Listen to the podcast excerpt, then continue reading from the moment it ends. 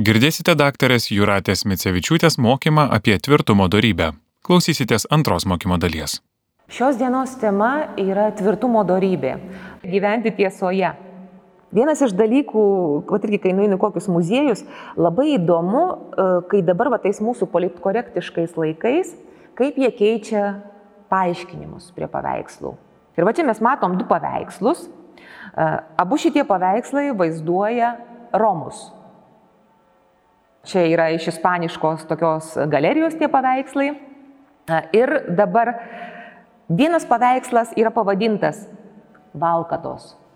Gustavas Dorė, 1868 metai. Kitas paveikslas, kuris yra pačioje, vadinasi Romų choras. Echevarija dailininkas, nu ir taip toliau, 1925 metai. Kas yra juokinga? Jeigu mes matom paveikslę žmonės vaizduojami suvargę, apiplyšę, e, galvos nuleistos, tas vaikiukas irgi ten skudrais kažkokiais aprengtas, čia ne Romai, čia kažkokie valkatos. Jeigu mes matom, kad jie linksmai susėdė, ten dainuoja spalvos gražios, tokios optimistiškos, tuomet jau Romai, čia mūsų draugai Romai. Iš tiesų ir ten, ir čia yra Romai. Bet vienu atveju mes dramatišką, tragišką tvirto, e, tikrovę, mes ją bandom kažkiek tai makiažo užtepti, mes nesakom, kad čia yra Romai, kažkokie valkatos, nu, bet mes atpažįstam pagal jų ap, čia yra tie patys žmonės. O kitoj, mes jau čia tą tikrovę, tie patys Romai, kurie susėdė chorų dainuoja, oi čia jau gražu, čia viskas spalvos, ryškios, e, viskas linksma ir mes jau čia pasakom, čia tai Romai. Čia yra tipiškas politkorektiškumo pavyzdys. Kai kalbam apie skaudžius dalykus, tai mes juos sušvelninam, mes juos pridengiam, mes nevadinam dalykų tikrais vardais. Ir jeigu mes pas, pamatom kažką tai gražaus, tai jau kaip iškeliam, bet po tuo grožiu, taigi va tas dramatiškumas lypi. Tiesa yra kažkur tarp vieno ir tarp kito, ir ten, ir ten yra Romai. Bet čia jums tiesiog buvo kvietimas e, pamastyti apie tai, kas e, mums yra liepiama, kad protui Čia protingumo darybė yra iššūkis, nes protingumo darybė yra tvirtumo akis. Protui neleista tikrovės klastoti ir perkainoti. Pažinti tokią, kokia jinai yra. Egzistuojanti, nepagražinta, bet ir nesudramatinta tikrovė yra kurėjo tvarka, kurią mes turime pažinti. Realistiškas žvilgsnis turi būti. Kita skaidrė, čia kalbant apie realistišką žvilgsnį. Čia labai irgi įdomus paveikslas, ką mes čia iš paskutinės vakarienės Jėzus duoda, nu, komuniją judui. Ar jūs atkreipėte dėmesį, va atidžiai paskaitykite Evangeliją, ar jūs atkreipėte dėmesį, kad e, pirmas žmogus, kuris e, nu, Euharistiją priėmė, gavo komuniją ir iš paties Jėzaus rankų, nu, taigi buvo judas. Ar ne? Realistiškas žvilgsnis. Dabar kas tai yra? Kuo čia susijęs su tvirtumu, tuoj susijęsiu. Tvirtumė, tvirtumo esmė nepulti ką daryti, nesvarbu ką, bet atiduoti save pagal protą. Tai čia Jėzus pradeda atiduoti save pagal protą iš tiesų. Jisaigi žino, kam jisai komuniją duoda. Tikras tvirtumas suponuoja teisingą dalykų įvertinimą. Tiek tų, kuriais rizikuojama, tu žinai, kad tu kažką labai brangaus, tu labai didelę kainą ruošiesi mokėti. Tiek tų, kuriuos metosis ką daryti, tikimas išsaugoti ir įgyti tu labai aiškiai matai tikslą prieš akis. Labai svarbu šitas dalykas. Ir toliau čia Piperis aiškina. Tvirtas yra tas, kas atsidūręs tokioje neišvengiamai pavojingoje situacijoje, prieš kurią nutyla bet kokia bravūra, aš padarysiu, aš padarysiu, aš nueisiu, aš tvirtas, aš išlaikysiu, aš nueisiu konsului, pasakysiu, aš krikščionis, meskit mane liūtams. Šita bravūra visa nutyla, nes Jėzus tai gėlyvų sodė, pamenat, kaip jisai kentė. Ten nebuvo jokios bravūros, ten buvo realistiškas žvilgsnis į tai, kas turi įvykti. Sustingsta bet koks herojiškas gestas, bet žmogus nesustodamas eina prie baisio ir nesileidžia trukdomas daryti gerą. Daryti gerą dėl paties gėrio, gal, galiausiai dėl Dievo. Ne iš garbėtroškos ar iš baimės, kad bus laikomas bailiu. Šiaip tai sako daug kas, va ypač jeigu ten fronte ir panašiai, oi čia ką apie mane bendražygiai pagalvos, kiti eina, nu ir aš eisiu, užsimerksiu, lipsiu ten iš, iš apkasų ir taip toliau. Kai kas va būtent dėl to drąsą parodo, tai čia ne tas atvejis. Realistiškas žvilgsnis. Tai pasitikti baisiai, va tą baisumą galima dviem būdais. Tai dabar pereinam prie kitos skaidrės, galima atsilaikyti arba pulti. Ir čia mes matom tvirtovę ant uolos. Mes kartais pamirštam, bet labai įdomu, čia aš paskui jums rekomenduosiu kaip skaitimą iš šventojo rašto, būtent psalmę skaityti. E, jeigu skaitot kompiuteryje, padarykit paiešką žodį tvirtumas. Va, ta tvirtas tvirtumas, pasižiūrėkit psalmėse, kiek kartus yra pakartotas tas žodis. Tvirtovė ant uolos. Bet mes paprastai pamirštam, čia matot, va daug citatų pateikta, aš jų neskaitysiu, patys paskaitysit. Tvirtovė iš tiesų turi dvi funkcijas ir mes tą dažnai pamirštam. Atsilaikyti, kai priešas puola, bet kai tu atsilaikai, tu gali iš tos tvirtovės išeiti vėl į teritoriją ir toliau gyventi. Tvirtovė yra labai nepatogi vieta gyventi. E, čia vėlgi, kai, kai paprastai va, su piligrimais mes ten važiuojam, žiūrim tvirtovės, tai visą laiką, aha, va čia yra tvirtovė, reiškia ant kalno, o čia, čia valdovo pilis jisai gyveno. Vilniui pasižiūrėk, lygiai tas pats. Gedimino pilis ant kalno, pačioj valdovų rūmai. Kodėl? Jeigu tu statai tvirtovę, kur tau patogu pasislėpti, priešui nepatogu pulti, tai tau nepatogu gyventi. Tu atsilaikai, bet kai reikia gyventi ramiai, tai tu geriau nusileidi nuo kalniuko ir ten gyveni gražiuose rūmuose, erdviai, kur sienos netokios toros, langai dideli, ten yra tiesiog patogiau. Tai reiškia, tvirtovė yra skirta atsilaikyti, bet ne tam, kad ten tu gyventum. E, ir e, va, ta antra funkcija mums labai dažnai prasprūsta pro akis. Tai čia psalmėse tikrai sakau, paskaitykit, labai daug suteiks jums e, minčių ir, ir drąsos gyventi, tikiuosi. Tik jis, Dievas yra mano uola, niekad nedrebėsiu. Kas klauso šitų mano žodžių ir juos vykdo, panašus išmintingą žmogų pasistačiusi namą ant uolos. Namas ant uolos tvirtovė. Čia iš Mato Evangelijos cituoju tą garsų irgi. Visi tikrai žinot, manau. Prapliupo liūtys, ištvino upės, pakilo vėjai ir daužėsi tą namą. Tačiau jis nesugriuvo, nes buvo pastatytas ant uolos. Matot, Jis atsilaikė ir paskui iš ten galima išeiti, pradėti vėl sėti laukus, pradėti gyventi. Tai dabar pereinam prie kiekvienos iš tų funkcijų. Gynybos funkcija - atsilaikyti. Iš tiesų, čia vėlgi kaip Piperis labai teisingai pastebi, tvirtumui atsilaikimas yra labiau būdingas, nes jeigu priešas labai puola, tai nu, paskutinė galimybė iš tiesų yra atsilaikyti, pasipriešinti, išstovėti tu jau ten apie jokį puolimą, kontrataką net kalbos negali būti, tu tik išstovėk, tu tik atsilaikyk. Kontrataka bus po to. Pirmas dalykas, nu arba jau paskutinė priebėga yra atsilaikyti. Čia pamenat kaip to iliustracijoje, kur ten teisėjai e, mieste pasislėpę, reiškia, laukia, kol ten jos užpuls kariuomenė Gogo ir Magogo iš apreiškimo e, knygos, tas paskutinis mūšis. Atsilaikimas. Ir dėl to tvirtumos yra pirmesnis už kantrybę. Mes labai dažnai uh, tiesiog šlovinam, iškeliam kantrybės darybę, kaip čia svarbu būti kantriems, iškentėti ir panašiai. Bet iš tiesų, čia vėlgi cituoja šventą Tomą Kvinietį Piperis, kantrus yra tas, kuris nesileidžia blogio patraukiamas į netvarkingą liūdėsį. Nesileidžia. Iškentėti reiškia nesileisti, kad blogis patrauktų į netvarkingą liūdėsį. Mums tie tokie keistai tie atrodo tie žodžiai, bet pasakysiu, ką reiškia netvarkingas liūdėsys. Kvailybė, vangumas, suklaidinimas, e, nesipriešinimas piktybei, nesipriešinimas blogiui. Čia maždaug, ai, te bus kaip, aš kaip nors čia prasidėsiu čia po tais lapais, čia nieko, nieko baisaus, čia tegul praeis, tada aš vėl iškišiu nosį. Čia nėra kantrybė. Kantrus tas, kuris nesileidžia blogio patraukiamas.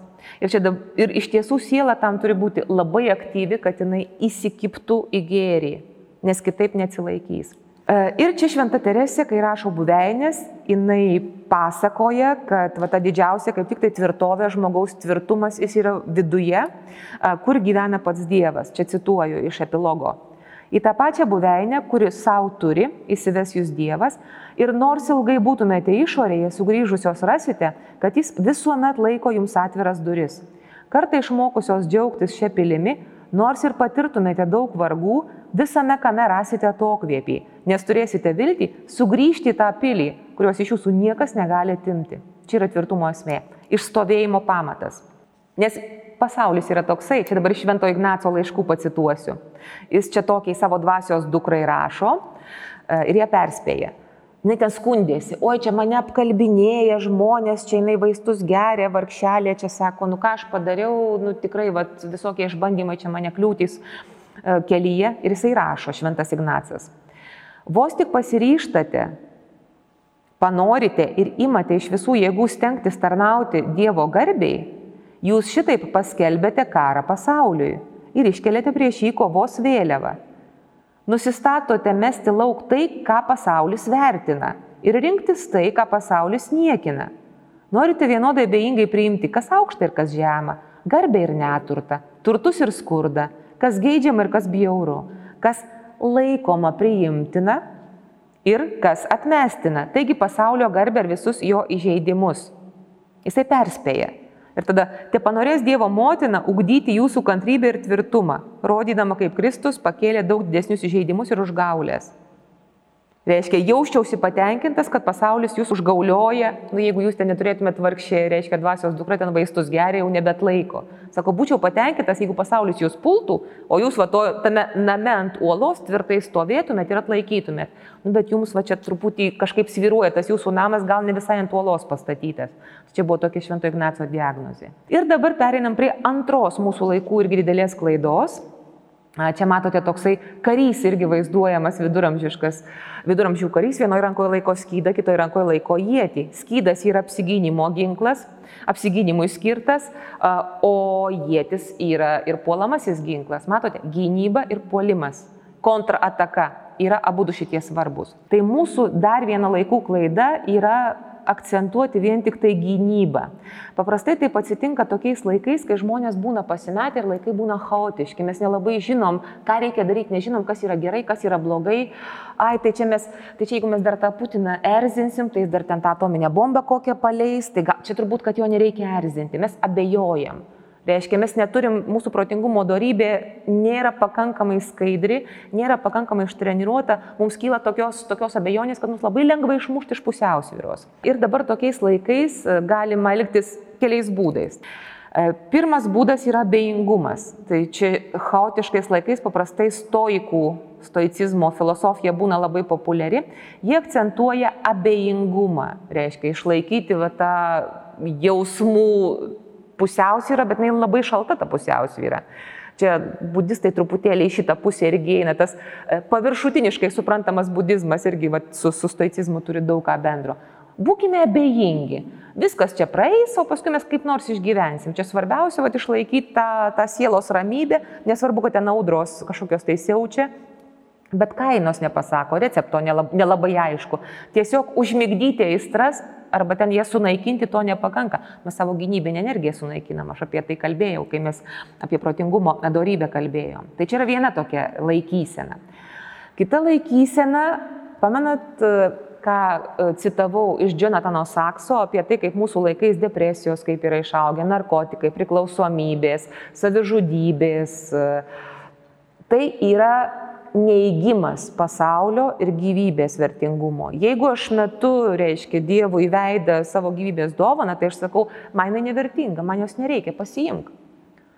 Arba jeigu aš ten pasineriu priklausomybės, narkotikuose ieškau, alkoholyje ieškau, ieškau kažkokios priebėgos, tai irgi aš naikinu savo gyvybę, aš sakau, tai yra nevertinga, mano gyvenimas nėra vertingas, man jo nereikia. Pasiimkit, apsivoškit jūs ten visi čia, taip gražiai kalbant, ar ne? Man, man jūsų nereikia. Tai yra neįgymas. Ir mūsų laikais čia yra nu didžiulė pagunda. Ir dar viena pagunda mūsų laikais e, irgi labai populiari, tai yra plaukti pasroviui. Tokia kaip rezignacija, ar ne? Tai reiškia, e, mes e, pamirštam vieną dalyką, kad plaukti pasroviui mes irgi apsisprendžiam valingai. Tai nėra tiesiog, oi, neturiu valios, tai čia va tau srovė mane neša, bet tuo metu, kai tu iššokai srovę, leidėsi nešamas arba nešama, tai tu pasirinkai rezignaciją. Plauksiu pasroviui. Nesvarbu, kur nuneš, ten nuneš. Tai čia visos tos trys klaidos yra, visos tos trys laikysenos yra va ta chaotiškų laikų klaida, kai tu tik tai gynybą akcentuoji, kai tu kažką bandai apsaugot, o iš tiesų viską prarandi. Tai yra toks lošimas vabankai, tu prarandi viską. Ir čia irgi buvo toksai laikas, aš nežinau, ar jūs valandų liturgiją melžiatės. Dabar yra internete tokia programytė, galima į telefoną atsisiųsti valandų liturgiją. Ir ten susideda iš kelių, kelių dalių ten per dieną, dabar neaiškinsiu, kaip jinai yra sudaryta. Tiesiog papasakosiu, kodėl, kodėl čia aš dabar tą prisiminiau. Paprastai diena pradedama, reiškia tokia kaip įžanginė malda, ten yra kelios psalmės, keturios psalmės, kurios keičiasi kiekvieną dieną, va iš tų keturių psalmių vis kita eina. Ir viena iš tų psalmių, aš atsimenu, prieš e, dešimt beveik metų pradėjau melstis valandų liturgiją, buvau tokia dar labai, e, norėjau būti gera krikščionė ir panašiai. Ir viena iš tų psalmių mane tiek piktino, jinai man taip nesiderino su krikščionybės esme, kad aš melsdavausi pusę tos psalmės. Tai aš tikiuosi, kad jūs sudominau, tai aš dabar tiesiog pacituosiu, e, nesakysiu kokią Ne, aš parašiau skaidriai, tai jau viskas pamatysit, nu nieko, pasižiūrėsit paskui. 149 psalmė, Tai dabar antra jos dalis, aš ją paskaitysiu, kurią aš praleisdavau. Te šaukia valio, šlovindami Dievą, dviešmenį kalavyje rankoje te laiko, kad suteiktų atpildą tautoms ir padarytų teismą gentims, sukaustydami jų karalius pančiais ir jų didžiūnus grandinėmis, vykdydami teismo sprendimą. Tai yra garbė Dievo tautai, šlovinkite viešpatį.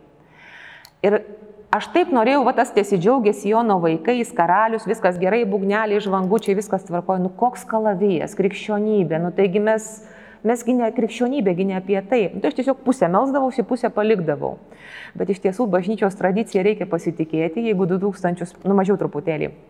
Čia vėliau buvo sukurtas šitas, nu, bet dabar ne, ne apie tai kalba. E, jeigu keliolikos šimtmečių tradicija yra patikrinta, kad antra dalis šitos psalmės irgi yra reikalinga, tiek reikalinga, kad kas ketvirtą dieną mums ją primena, reiškia, tai yra svarbu.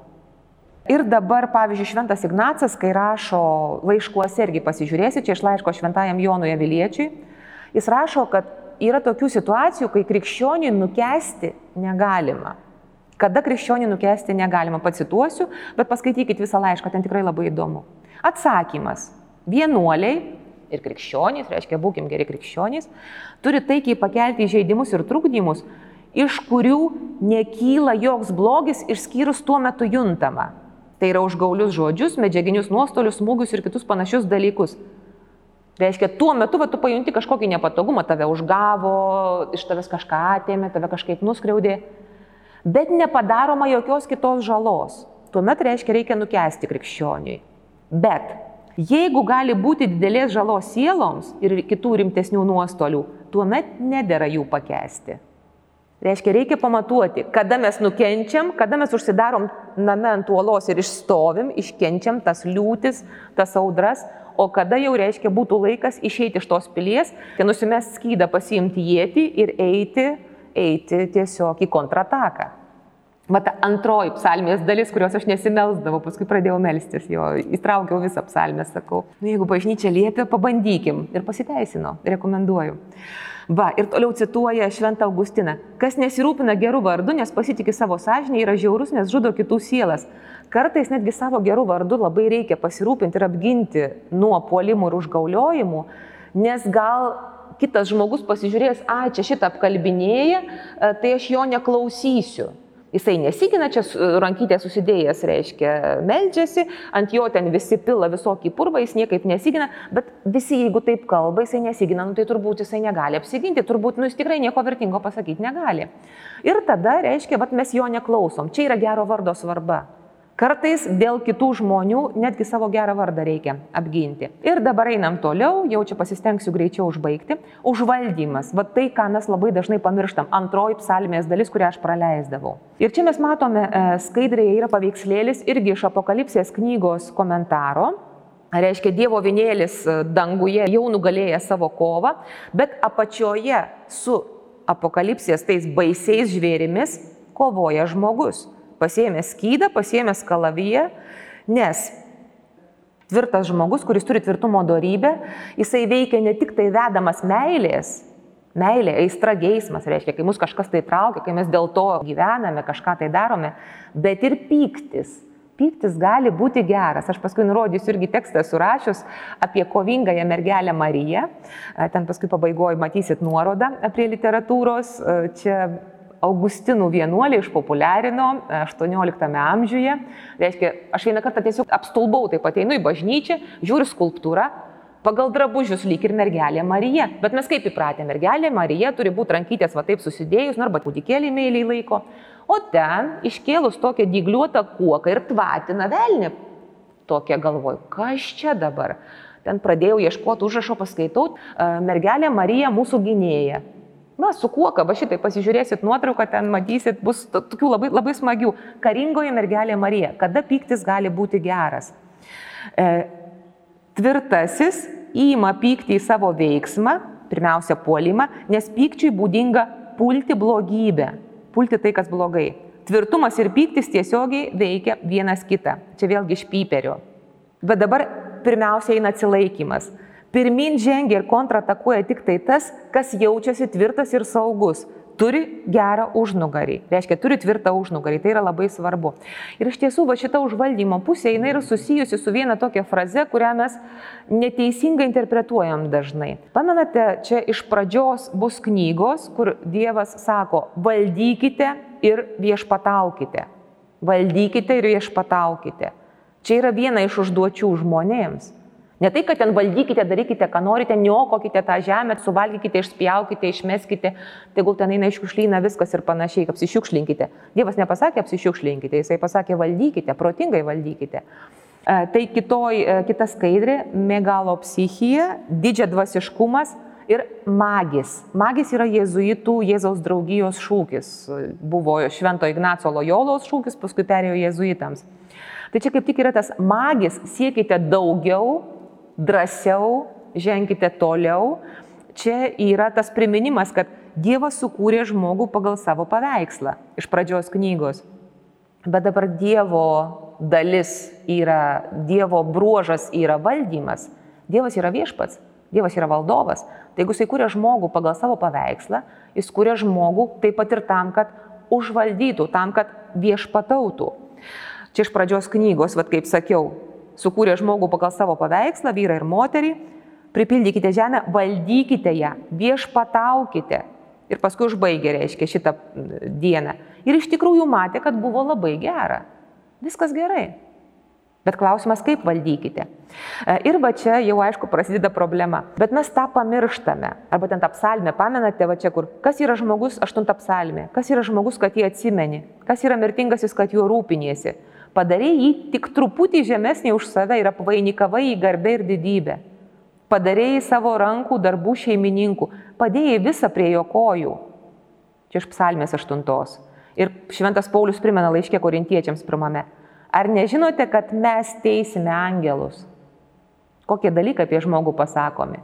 Bet vėlgi, kaip sakiau, čia vis, viską reikia dėti į visumą. Negalima ištraukti užvaldymas, viskas. Einam, tai dabar visa žemė mūsų, ką norim, tą darom, panaudojam, išmetam. Čia ne apie tai yra kalba. Nors pasaulis pažeistas ir pavojingas, bet tebe galioja Dievo paliepimas žmogui jį užvaldyti. Čia yra perspėjimas kaip tik tai, kalbant apie tvirtumo darybę. E, dabar priešas arba demonas, čia iš Ignaco laiškų, paskaitysite 48 puslapį, jis irgi perspėja, kad tas toksai netikras nuolankumas, jis yra labai pavojingas.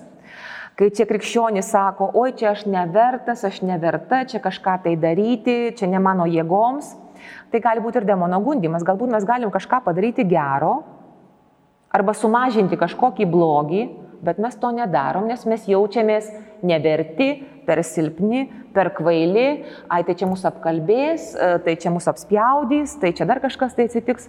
Ir tada tu pradedi drebėti, va to užvaldymo nebelieka. Bet pilies funkcija taigi yra užvaldymas. Aš prisimenu dabar čia toks nu, labai trumpas nukreipimas, e, kai dar mokykloje, tai pasakoju apie kryžiuočius baisius dalykus, kaip reiškia čia lietuviai pagonys gynėsi, o tie bjaurybės kryžiuočiai puolė, kokia, koks buvo principas. Pastatė galiausiai ten vienas priešais kitą pilių virtinę. Reiškia, kaip tu užimi teritoriją, pasistatai pilį, kur tau būna saugu pasislėpti, jeigu jau ten visai žemė po kojų dega, o kai pasidaro truputį laisviau, tada tu išeini užvaldai teritoriją. Pilis turi dvigubą funkciją. Tai čia va, buvo nukrypus truputėlį.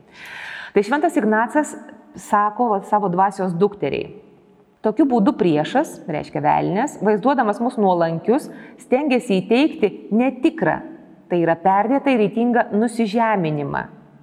Tai iškalbingai liūdė jūsų žodžiai. Nusakiusi kai kurias silpnybės, kaip ir dera daryti, vadinate save vargšelę vienuolę, regis trokštančią tarnauti Kristui. Jūs nedrįstate sakyti, trokštų jam tarnauti, arba viešpats man duoda troškimą jam tarnauti. Nu, aš lyg ir norėčiau, bet aš tokia vargšė vienuolė, sako, nedaryk taip. Dabar iš Ventos Teresės, iš buveinių. O didis Dieve, rodos toks varganas padaras kaip aš turi drebėti, kai kalba apie tai, kas taip toli pranoksta viską, ką esu verta suprasti. Čia, jinai, kai reikėjo rašyti buveinės, va, kaip pasakau, labai abejojo, ar daryti ar nedaryti. Ir paskui sako, sakau, taigi pamaniau, kad šita baimė dėl to, kas ir ką apie mane pamatys, tai pagunda ir silpnumas. Jei tik bus pašlovintas Dievas ir nors kiek daugiau suprastas, tegul ko neveikia mane visi, juo labiau, kad jau gal būsiu mirusi, kai jie tai pamatys, čia maždaug aš čia pabėgsiu. Tai čia toks buvo irgi, jai, reiškia, prisiminimas. Paskui kita dar citata iš Šventos Teresės. Siela jau užaugo sparnai, tai ar jį pasitenkins lėtų žingsnių, kai gali skristi. Jeigu išaugo sparnai, skrisk, bet reikia pasitikrinti, ar tikrai išaugo, ar tikrai sparnai, ar čia kažkas tai kita veikia. Tai labai svarbu tiesiog save suprasti. Ir tam reikia prisiminti tris tvirtumo lygmenys. Tai čia yra dar vienas skaidrė, mes čia visiškai į pabaigą einam. Kokie yra tie lygmenys? Kaip primena Piperis ir tai yra labai svarbu, kad grinai prigimtinės dorybės, kaip tvirtumas, be realios sąsajos su malonės gyvenimu, jos neveikia. Jos pasidaro toks, tokios tuščios kaip muilo burbulas, jos proksta, jos net laiko susidūrimo su gyvenimu. Labai svarbus e, tas yra malonės lygmuo. Ir tada jisai ten kalba piperis apie tris lygmenis. Ir iš tiesų įsivaizduokit, kad čia tokia kaip piramidė, bet jie reiškia judėjimas vyksta, įtaka vyksta visom kryptim. Ir iš viršaus į apačią malonė leidžiasi iki pačios, bet ir iš to žmogaus to pamato iki malonės irgi ta įtaka veikia, reiškia dvi kryptis judėjimas vyksta. Kaip atrodo pir piramidė? Pats pamatas yra vitališkasis gyvybinis tvirtumas. Nu, aš nežinau, ar jūs pastebėjote tokį dalyką, kad būna žmonių, kurie ir energijos daug turi, ir drąsos, jie tiesiog drąsos, jie taip tiesiog natūraliai tokie žmonės, kurie yra, nu, tvirti, energingi, veiklus. O yra žmonių, kur ryte reikia išlipti iš lovos ir tris kavas reikia atsigerti, išgerti prieš tai. Tai va čia yra tas vitališkumo trūkumas, čia yra tai, kas mums duota, tas pats pradinis lygmuo. Toliau eina moralinis tvirtumas, sielos teikiamas, formuojantis, kreipiantis. Susijimi ir rytą išlipi iš lovos, nu, kad bent kavos pasidarytum, jeigu niekas neatneša. Čia jau yra moralinio tvirtumo truputėlį prisideda. Ir galiausiai mistinis šventosios dvasios dovanojimas. Ir dabar, jeigu atsiversit Pranciškaus, popiežiaus Pranciškaus Kristus Vivit, 158 puslapį, Čia truputėlį 158 skirelis, apie tai truputį kalbama, pacituosiu. Daug jaunų žmonių rūpinasi savo kūnų, stengdamiesi lavinti fizinę jėgą ir gerinti savo išvaizdą. Kiti ūkdo savo gebėjimus ir žinias, norėdami būti labiau užtikrinti savimi. Čia yra vitališkasis lygmuo. Tas va tas gyvybinis lygmuo drąsumo, e, tvirtumo darybės. Tesiu citatą. Kai kurie siekia dar aukštesnių tikslų, stengiasi labiau įsipareigoti ir bręsti dvasiškai. Šventasis Jonas sakė, ir jums jaunuoliai tai parašiau, nes jūs tvirti ir laikosi jumise Dievo žodis. Ieškoti viešpaties, laikytis jo žodžio, stengtis atsiliepti į savo gyvenimu ir aukti darybėmis. Visi šie dalykai stiprina jaunuolių širdis. Štai kodėl jie siekia išlaikyti ryšį su Jėzumi ir taip toliau. Čia yra antras lygmuo - moralinis. Bet dar yra trečias lygmuo. Kas tai yra? Tai dabar matot, va čia pasižiūrėkit šitą paveikslėlį. Čia yra vaizduojamas, e, čia yra 13 amžiaus kapitelis, riteris kovoja su slibinu. Tai čia iškėliau, matot, va kita skaidrė, iškėliau už tą paveikslėlį ir tiesiog apibrėžiau, kad jūs matytumėte tas figūras, nes šiaip nu truputį susilieja, čia sakau, nuo 13 amžiaus truputį apibirėjęs. Ką mes matom? Mes matom tris figūras. Matote, riteris ant žirgo kovoja su slibinu. Ir riteris yra pakankamai drasus, kad jisai kovotų su slibinu. Reiškia, ginasi skydų, slibinas, matote, tą skydą kanda, reiškia, įsikibęs į tą skydą, o riteris užsimojęs kalaviju jam smogti. Reiškia, riteris yra pakankamai pasiruošęs, išsitreniravęs, kad jisai galėtų stoti prieš slibiną, bet Už riterio yra angelas, kuris prilaiko jam ranką, va ta, kuris smogė su kalaviju, angelas jį palaiko. Reiškia, riteris jau nešasi su savimi, su savimi tą moralinę treniruotę. Čia mes matome du lygmenys ir trečio, va to mistinio malonės truputėlį palaikymo jau matom. Bet kas yra įdomu, jeigu mes apeinam šitą kapitelį iš kitos pusės, mes pamatom tai, ko netgi pats riteris nemato, kai jisai kovoja su slibinu. Tai dabar kita skaidrė. Matote? Libiną prilaiko iš kitos pusės kitas angelas. Tai, bet tai yra tvirtumo darybė. Va šitas kapitelis vaizduoja, kaip veikia tvirtumo darybė. Žmogus pats pakankamai jau yra drasus, turi energijos, yra išsitreniravęs, išsimankštinės, kad galėtų siekti, nugalėti, nes tikėtis pergalės irgi yra tvirtumo darybės dalis. Bet angelas jį palaiko iš vienos pusės, o iš kitos pusės veikia Dievo pažadas. Ir tas pažadas yra labai svarbus iš tiesų, čia iš Pauliaus laiško pirmojo korintiečiams. Dievas ištikimas, jis neleis jūsų mėginti virš jūsų jėgų, bet padarys, kad galėtumėte atlaikyti išmėginimą. Čia yra tvirtumo darybė, visi trys lygmenys. Tvirtas žmogus skaitosi su tuo, kad jisai dirba su Dievu. Ir dabar labai greitai šitą tiesiog pasižiūrėkit. Paskutinė skaidrė - dukterinės tvirtumo darybės pasitikėjimas, atviras blaiviai patiklus žvilgsnis į pasaulį, kyla iš pasitikėjimo, nes mes dedam pasitikėjimą ne į save, bet į Dievą. Tikrumas ir saugumas - nevilties prieš priešą. Dosnumas, sielos didybė spinduliuoja iš, iš vidaus. Tvirtas žmogus pasiruošęs duoti daugiau, negu iš jo yra reikalaujama. Ir galiausiai didžiadvasiškumas. Imtis didžių darbų, pagrįstai vilintis juos užbaigti. Racionali viltis Dieve. Ir kaip matote, čia yra tas magis. Ad majorem Dei Gloria, čia yra vėlgi iš Jėzaus draugijos tasai šūkis. Didesniai Dievo garbiai. Tvirtas žmogus veikia pasaulyje, turėdamas labai aišku tikslą prieš akis. Tai tiek apie tvirtumo darybę, paskutinė skaidrė rekomenduojami skaitimai. Tai kaip jau sakiau, Josefas Piperis, vienintelė knyga apie darybės, kurie lietuviškai yra išleista. Apie tvirtumą, jeigu prisiminsit, kad tai nėra vien tik tai kankinystė, tai bus tikrai toks labai įdomus skaitimas. Labai rekomenduoju. Iš šventojo rašto skaitykit psalmes. Čia yra ir tvirtumo paaiškinimas, ir tvirtumo šaltinis, galima sakyti. Ir paskui iš šventoji Jėzaus Teresė, Teresė Vilietė, vidinės pilies buveinės. Yra labai įdomu tiesiog matyti, skaityti iš to taško, ieškant tvirtumo, kokiu būdu šita moteris 16 amžiui, kai moteriams netgi buvo draudžiama skaityti religinio turinio knygas, jinai sugebėjo ne tik tai skaityti, bet ir jas rašyti.